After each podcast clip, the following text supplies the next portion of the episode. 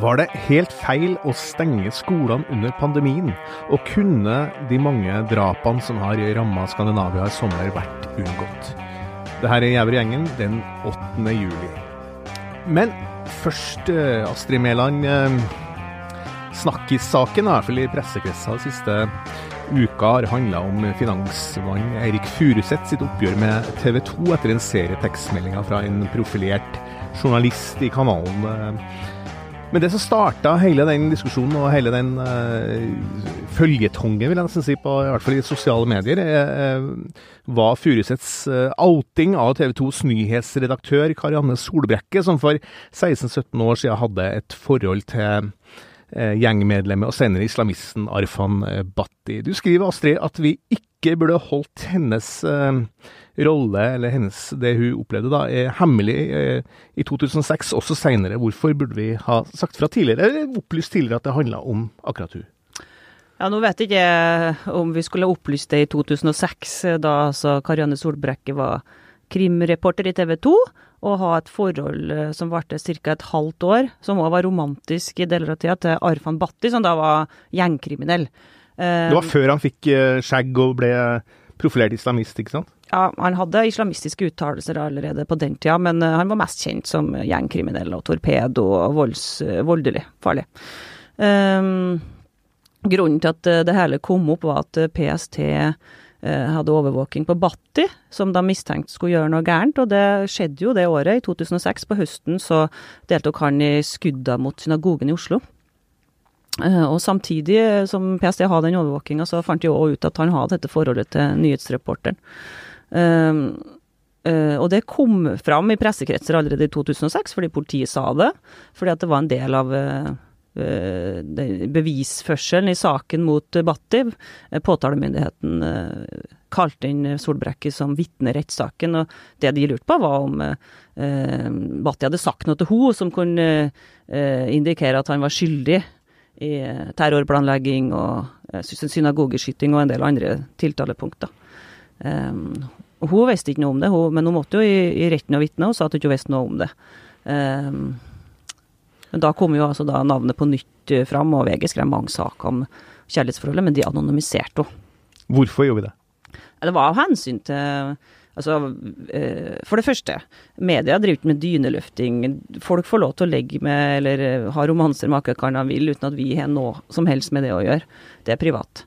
Eh, og for det andre så var hun vitne i en rettssak. Vi har heller ikke noe vane for å henge ut vitner i rettssaker. de er jo helt uskyldige. Det er jo noen andre som står tiltalt. Så det pleier vi heller ikke å gjøre. Så alt lå egentlig til rette for å ikke identifisere hun som vitne. Men så var det jo veldig spesielt, for at hun var jo da sett i ettertid inhabil, ikke sant, eller det visste vi vel allerede da. Og dekka et uh, saksområde og så ha et forhold til en av de som hun skulle holde, forholde seg kritisk til.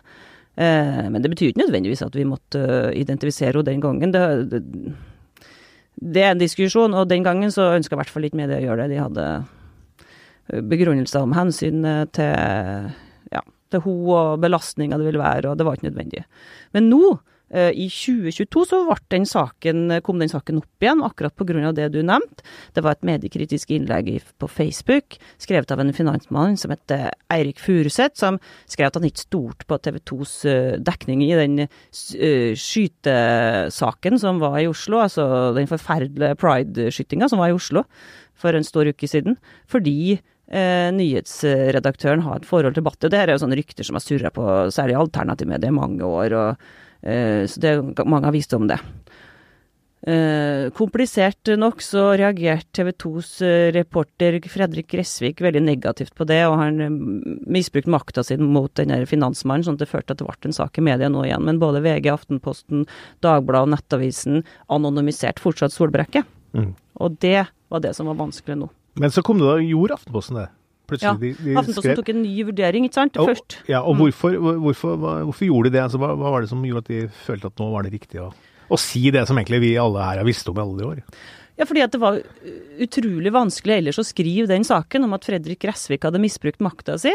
For hele grunnen til at han gjorde det, var for å beskytte eh, en kollega i TV 2, slik jeg ser det. Eh, og samfunnsoppdraget til pressen er jo på en måte å eh, avdekke maktmisbruk. Eh, og så den saken burde vi omtalt. Og det gjorde vi. Eh, men eh, vi juksa alle sammen, og lot være å nevne hva som var grunnen til konflikten mellom de to. Eh, vi anonymiserte fortsatt eh, Karianne Solbrekke. Beskytter vi våre egne i pressen?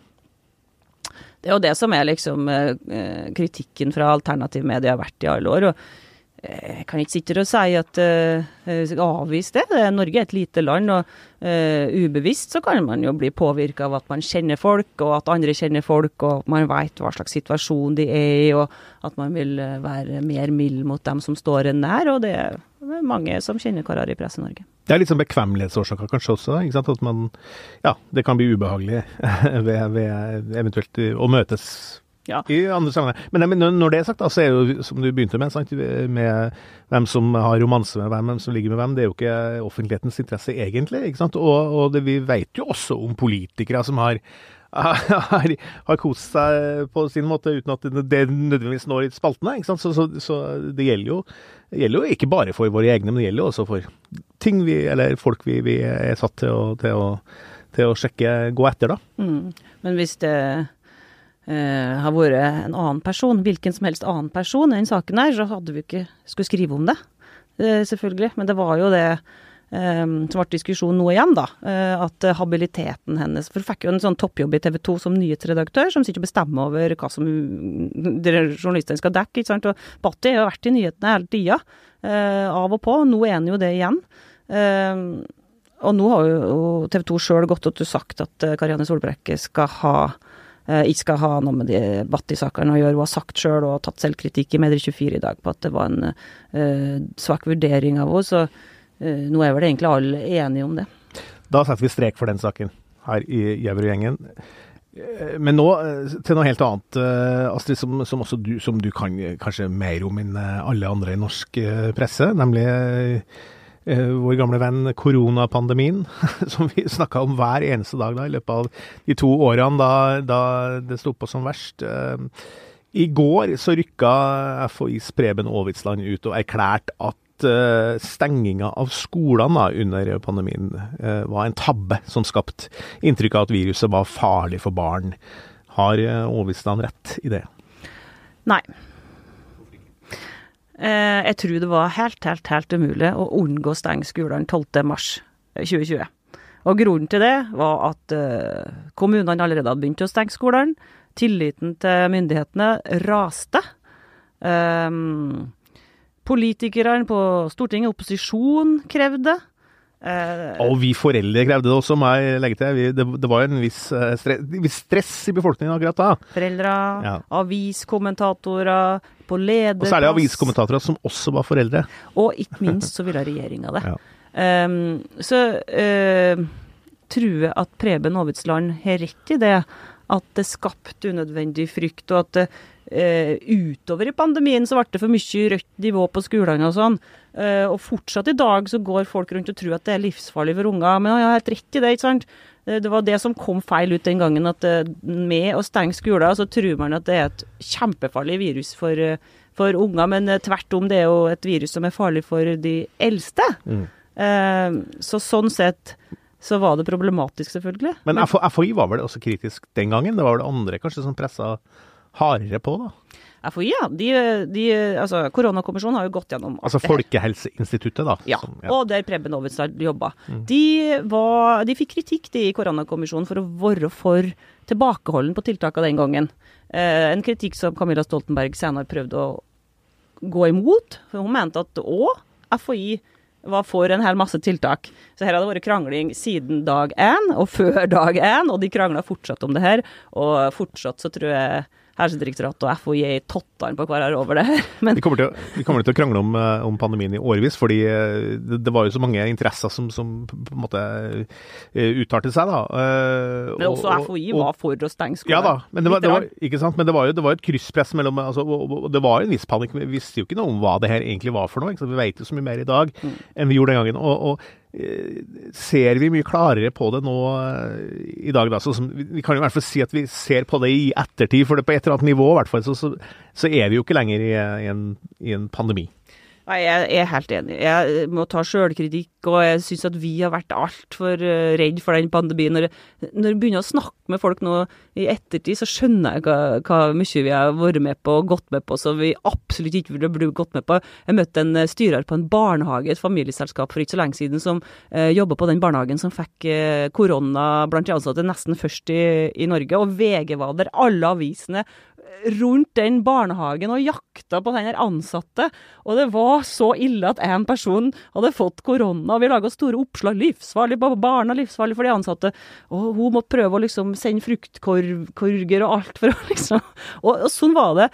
Hvert eneste smittetilfelle fikk fruktkurv, oppslag i VG. Altså, det var jo helt ville tilstander. Og vi gikk med på hyttestenging. Det var jo helt crazy. Ja, jeg husker jeg gikk tur eh, oppe i Nesoddmarka, der jeg bor. Så gikk jeg sammen med kona mi, og det fikk vi lov til å gå sammen med våre nærmeste. Men så kom, gikk vi på en sti, og så kom det en fyr imot. Og da var du så redde at vi gikk opp i skogholtet så at vi skulle holde avstand. Det er jo litt sprøtt å tenke på i ettertid. Og det ble så dårlig stemning òg, for folk ser jo så dårlig forskjellig på det. Så det begynte liksom å øh, kjefte på at det var tre unger som lekte på lekeplasser og sånn. Det var jo ikke bra. Uh, vi, altså, vi, kommer til å diskutere det her i årevis framover. Det var i hvert fall en eh, stresstest på samfunnet på, uh, på mange måter. Hva er statusen på virusets Ja, de, de, de, herjer vel litt ennå? I Norge, da? Ja, Vi har jo bølge nå, da, men FHI sier jo at de, de tror det toppa seg. Det er vel 300 innlagte, så det er ganske mange innlagte. Uh, du skal se at det blir uh, trøbbel igjen til høsten, altså. I, som om vi ikke har nok trøbbel. Er det ikke rart å tenke på at nå er det 300 inn, uh, innlagt, og det dør folk av, eller med viruset nå, da, altså, som det gjorde underveis også. Men nå er det sånn ja, det er ikke så nøye, liksom. Vi, vi tenker ikke noe over det. Mens, mens, vi, mens da det her pågikk for fullt, så, så var det vi, tallet som sto i VG hver dag, det var det alle i hele Norge fulgte med på fra minutt til minutt, nærmest. Mm. Og det sier jo noe om Uh, hvor betydningsfullt det er når regjeringa stenger skoler, og når media skriver om hvor farlig det er, og hvor redd vi alle sammen blir. Nå er det jo ikke sånn lenger. Vi har erfart at det går ganske bra å ha korona. Alle har jo hatt det, ikke sant? Må ikke dra mediekritikken for langt nå, for da blir vi helt uh, mea culpa her. Uh, Jeg skal ned til Middelhavet forhåpentligvis til uka, og gikk på Kypros. Og Så er det gjeninnført eh, munnbindplikt eh, i butikker og eh, i off innendørs i, i offentlige sammenhenger. Eh, og virus. Det er masse virus, da. Eh, men, eh, men vi, vi, det er ingen som snakker Vi, vi bryr oss ikke så mye om det. Vi, vi tar på oss et munnbind hvis, hvis det er, er, krav om det. Men, men, det er liksom ikke noe Det er ikke noe redsel ute og går i befolkninga. Nei, vi har jo Uh, at den varianten, eller de som er nå, er mildere. Det er jo nesten ingen som er innlagt på intensiven. Så har vi jo tre doser, de fleste av oss. Du skal få den fjerde nå til høsten, en del av oss. Så vi har jo erfart det. Og hvor mange er det som har hatt denne uh, sykdommen eller viruset? Kanskje 70% eller? Så det går bra. Ja, Nydelig å høre, Astrid. Takk for den. En konsekvens av uh, pandemien, uh, Shazia Majid, uh, har jo vært, og det her, nå snakker vi om veldig triste ting, fordi den mentale helsen har allment i samfunnet har tapt, eller fikk det, det ble verre da, under, under pandemien. og vi har jo opplevd mye grusomt i sommer. Angrep i Norge, i Danmark, nå i Sverige under Almedalsvekkan, med dødelig utgang også. Eh, jeg ser ikke at det er noen kobling til pandemien på det, men, men eh, er det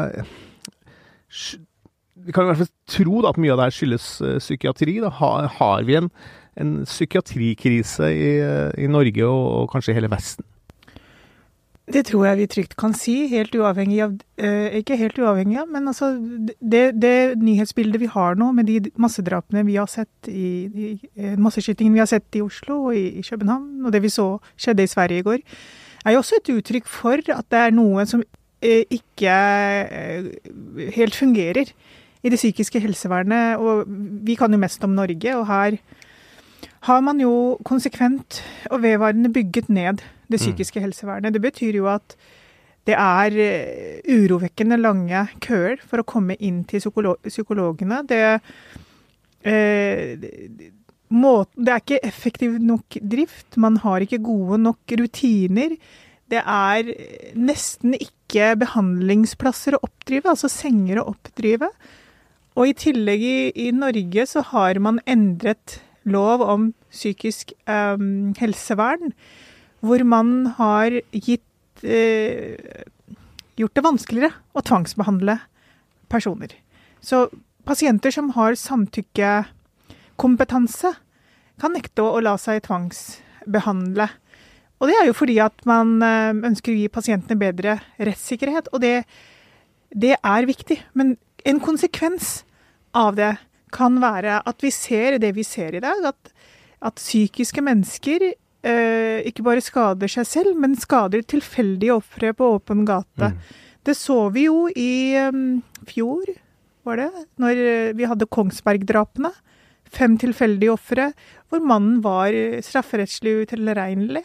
Og i det tilfellet så var det jo slik at eh, at eh, behandlende helsepersonell mente at han, må, han, trenger behandling, men han lot seg ikke behandle.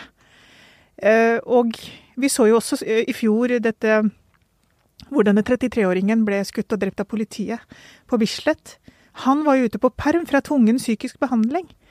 Så vi, vi, opplever, jeg tror, på en måte en, en helt ekstrem konsekvens, da. Kan være at, at uh, veldig syke mennesker ikke blir behandlet før de har på en måte kanskje gått omveien fra, til å begå voldelig kriminalitet.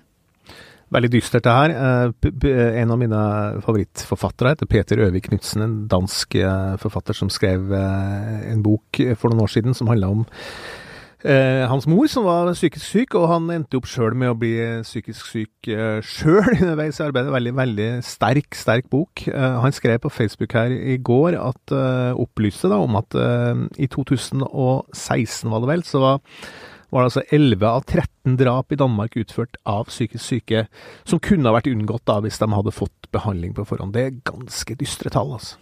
Ja, og jeg tror nok at uh, altså Det som også er viktig å huske, at Psykisk sykdom er jo ikke ensbetydende med at du går ut og dreper folk. Eh, samtidig så er det jo også sånn at du kan være psykisk syk, men samtidig være strafferettslig tilregnelig. Poenget her er jo at vet du hva du gjør, i det øyeblikket du gjør det. Så, så det kan godt være, fordi at også den Oslo-skytingen med, med Zaniar Matapour, der er det jo også Han har jo også en sykehistorie som tilsier eh, psykiske vansker, psykisk sykdom, men det betyr jo ikke at at det utelukker at han også kan ha begått terror. Det er jo viktig å påpeke, men samtidig, nå, nå, hvis man ser mot USA, hvor, hvor, de har veldig spesielle eh, våpenlover, så har jo de eh, løsnet eh, Høyesterett har løsnet på dem, men Kongressen forsøker på en måte å, å, å stramme det inn noe. Og det er veldig små detaljer de strammer inn på, men de har bevilget milliard, altså store summer til mental helse for å unngå Altså det er, helt, eh, det er en veldig klar sammenheng mellom psykisk sykdom og at noen mennesker, noen av de psykisk syke, kan begå voldshandlinger mot andre. Det er jo en helt forferdelig ting å bli ramma av uh, psykisk sykdom. Uh, har, vi vært for, uh, har det vært for lite snakk om det? Har, har politikerne hatt en slags berøringsangst etter at de la ned da, de, de, de, ganske utrivelige institusjonene som de her folkene ble putta inn i før i tida i Norge også, i, i det som vi kalte for ja, asyl, ikke sant? Reitgjerdet i Trondheim, sånne, sånne ting. Må vi ha en stor psykiatridebatt igjen, tror du? Ja, det tror jeg. Jeg tror også det handler om at vi har eh, Vi er veldig opptatt av individets frihet, og det skal vi også være. Men det kan jo være altså Jeg tror det er på tide med en debatt om, om man har dratt det for langt, om noen faktisk Om det er flere som bør tvangsbehandles, eller i hvert fall at man ser på, på forholdet og ansvarsområdene til politiet og til psykiatrien. Fordi et eller annet er det jo. Men samtidig så kan vi jo ikke bure inn folk fordi de er psykisk syke. Så det, her er det jo noe med også med vurderingene og, og de verktøyene eh, som finnes.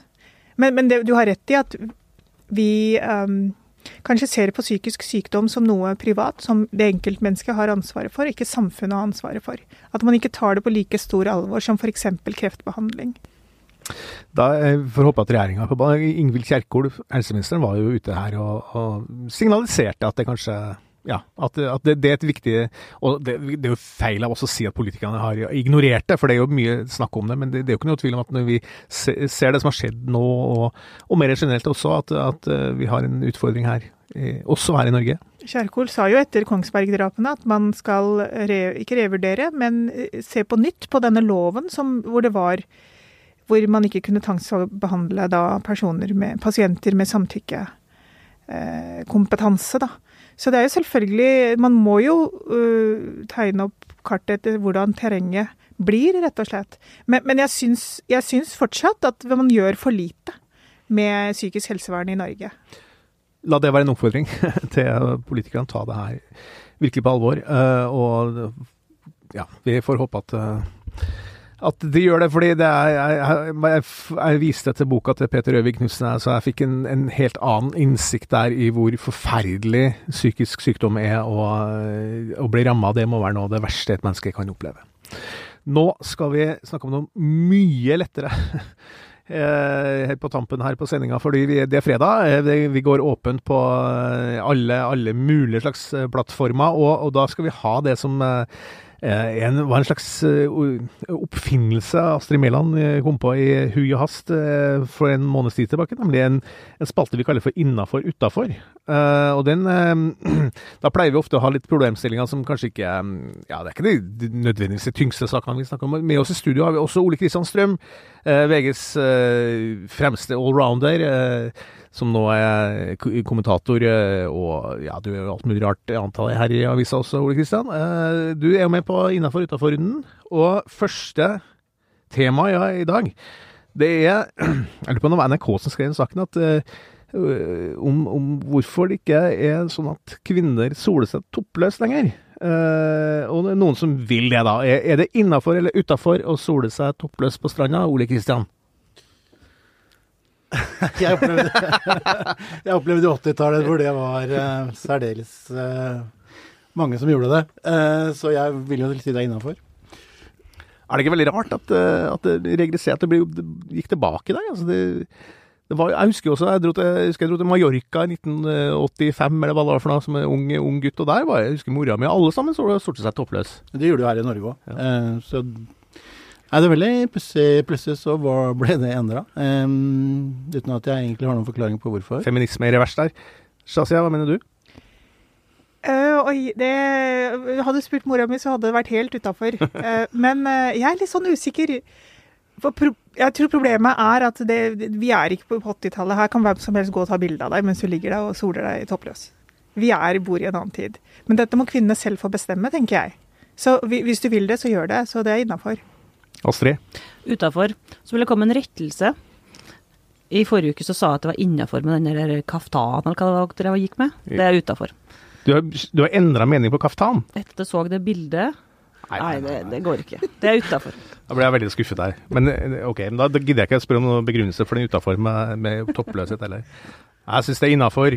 Jeg syns uh, Slipp det løs. uh, OK, uh, andre spørsmål i dag. Uh, ja, det kom en ny befolkningsfremskrivning fra Statistisk sentralbyrå i uka her. om at norske bygder avfolkes og verre skal det bli fram mot 2050. det er enkelte kommuner som vil ha en, over en tredel av, av de innbyggerne skal være da over 70 år. Det er en veldig forgubbing, da. Um, på norske bygder. Er det eh, innafor å eh, la norske bygder bli avfolka, Shazia? Det Oi, det syns jeg er utafor. Hvorfor det? Nei, jeg, um, det er jo bare nitrist at eh, alle flokker seg sammen i store byer. Men det er jo vanskelig å unngå. Men jeg tror, altså hvis vi kan innføre elbil med masse subsidier og goder og sånt, så, og få folk til å endre sine vaner på den måten, så burde det være mulig vi har jo mange eh, fordeler ved å, å, bo i gokk. Altså du kan få Er det ikke sånn da, i Norge? At hvis, eh, hvis du lar deg Du har jo vokst opp litt i Oslo, så du må jo svare på det.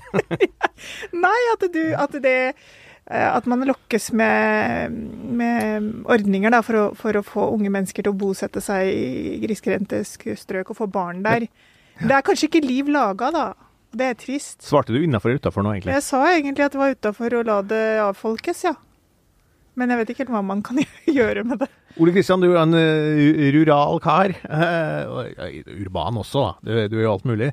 Uh, hva tenker du om det spørsmålet? Jeg er rural, ingen tvil. ja, men du er, du er nå i Oslo nå? Altså. Ja, ja, ja. Nei, um, det er jo veldig rart at det skal avfolkes enda mer med tanke på den digitaliseringa vi har hatt, som gjør at du kan sitte hvor som helst i verden og, og jobbe, f.eks. Og vi så eh, et, da korona kom, så ble det jo plutselig all det med Zoom og, og alle sånne ting, ikke sant. Så sånn sett er det veldig rart at utviklinga går sånn, syns jeg. Fordi vi har òg en grønn bølge det skal ha, da.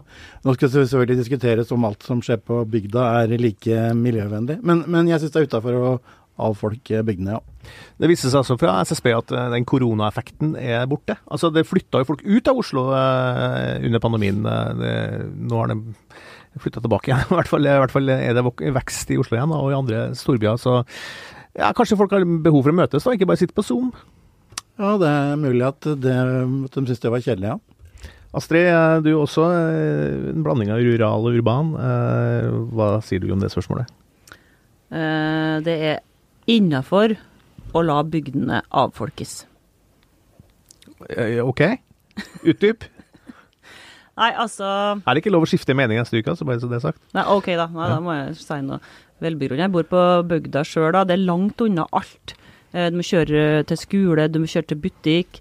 Så tenker jeg sånn, Den eneste grunnen til at vi bor her, er at det var en gard her en gang. Nå er det ikke noe gard lenger, for mange. Og da er det mange som har lyst til å flytte til et byggefelt. Og det merker jeg godt på bygda, at det er sentralisering i bygda. Og det er ikke så unaturlig, fordi det er stress at ungene skal kjøre en time med buss og, og slik. Men det som er utafor, er jo at de regionale sentra skal avfolkes. Vi bør jo heller satse på Surnadal eh, sentrum, eh, der, der er Sogna til nå for tida, og andre, Hamar og eh, Alta, og at det er folk i hele Norge. Men de trenger jo ikke å bo så langt unna skolen. eh, fordi det er miljøuvennlig, det er upraktisk, det tar mye tid.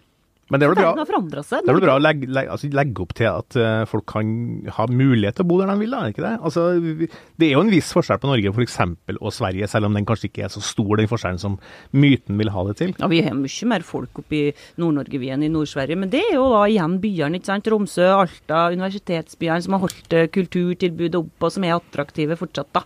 Uh, jeg tror ikke at distriktspolitiske virkemiddel uh, stopper stoppa den her. Det som du sier, Hans Petter, er Folk vil bare flytte innom at de blir tvinga til å flytte. Det, det, er umulig å stoppe det, på en måte. Jeg er enig. Det er jo en megatrend og har foregått i over veldig mange, tid, eh, mange år. Og med eller uten Senterpartiet i regjering, så skjer det her. Så jeg tror ikke ikke engang Sigbjørn Gjelsvik eller Per Olaf Lundteigen kan stoppe den eh, prosessen jeg er stygt redd for. Uh, da skal vi ta sak nummer tre her, som også er må jeg si, av veldig lett Eh, kaliber. Det er altså mange som reagerer på at det er hunder i boligannonser.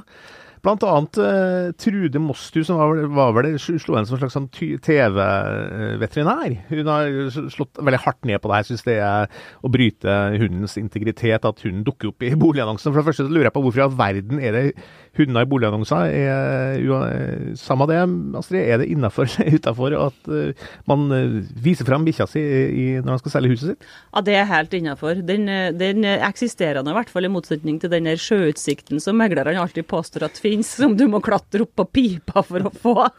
Så hunden er jo ekte, i det minste. Sjøl om du helt sikkert ikke får den med på kjøpet, da. Du kan låne en hund, da. Ja, ikke sant. Shazia, hva tenker du?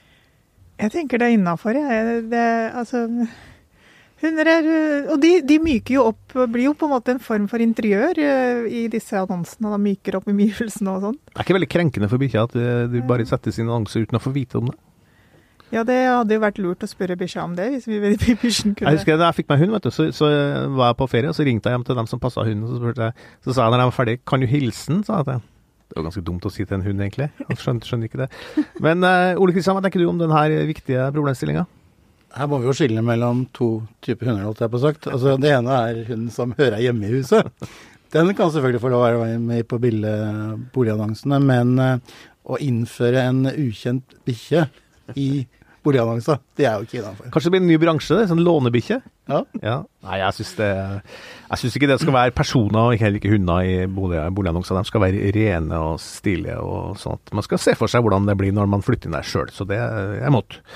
Siste problemstilling i dag er jo det foregår jo EM i fotball eh, om dagen. Eh, denne gangen for eh, kvinner. Og um, Det er en kjensgjerning da, at uh, fotballkvinnene tjener betydelig mindre enn sine uh, mannlige kolleger. Uh, er det innafor, Ole Kristian? altså, selvfølgelig Egentlig er det ikke innafor. Men det er jo en markedsmekanisme som gjør at, at det er sånn. Ada Hegerberg, som er en av Norges Som kanskje er en av verdens best betalte Hun tjener altså like mye i året som Haaland nå skal tjene i uka. Um, så det sier jo litt om forskjellene, men det er vanskelig for politikerne å vedta òg, ikke sant? Ja, de skal kjenne like mye. bortsett fra, rent bortsett fra selvfølgelig at kvinner må få de samme mulighetene til faktisk å oppfylle sine drømmer, mm. som det er menn for. Uh, at uh, det var en symbolikk i at gårsdagens uh, kamp eller den åpningskampen i EM gikk i drømmenes teater. At kvinner får de samme kan ha de samme drømmer som menn når det gjelder å bli fotballstjerner. Hva syns du, Shazia? Uh, jeg syns ikke det er innenfor, men det jeg tenker på er jo dette handler om Det kan ikke vedtas av politikere, men det handler om Det er et uttrykk for hvordan samfunnet ser på, på kvinner som spiller fotball. For det blir jo, antag, det blir jo an, angivelig sett på som mindre interessant mer kjedelig. Jeg vet, jeg vet, ikke hvorfor det ikke er 70 000 på hver eh, EM-kamp eh, i, i, fotball for kvinner.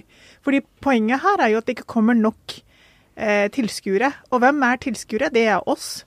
Så hvis vi ikke anser den, den, sporten som god nok fordi kvinnene spiller den, så er det vi som egentlig er problemet. Så dette er jo en, eh, dette er jo en endring som vi trenger virkelig på grasrotnivå, sånn at sporten kan vokse.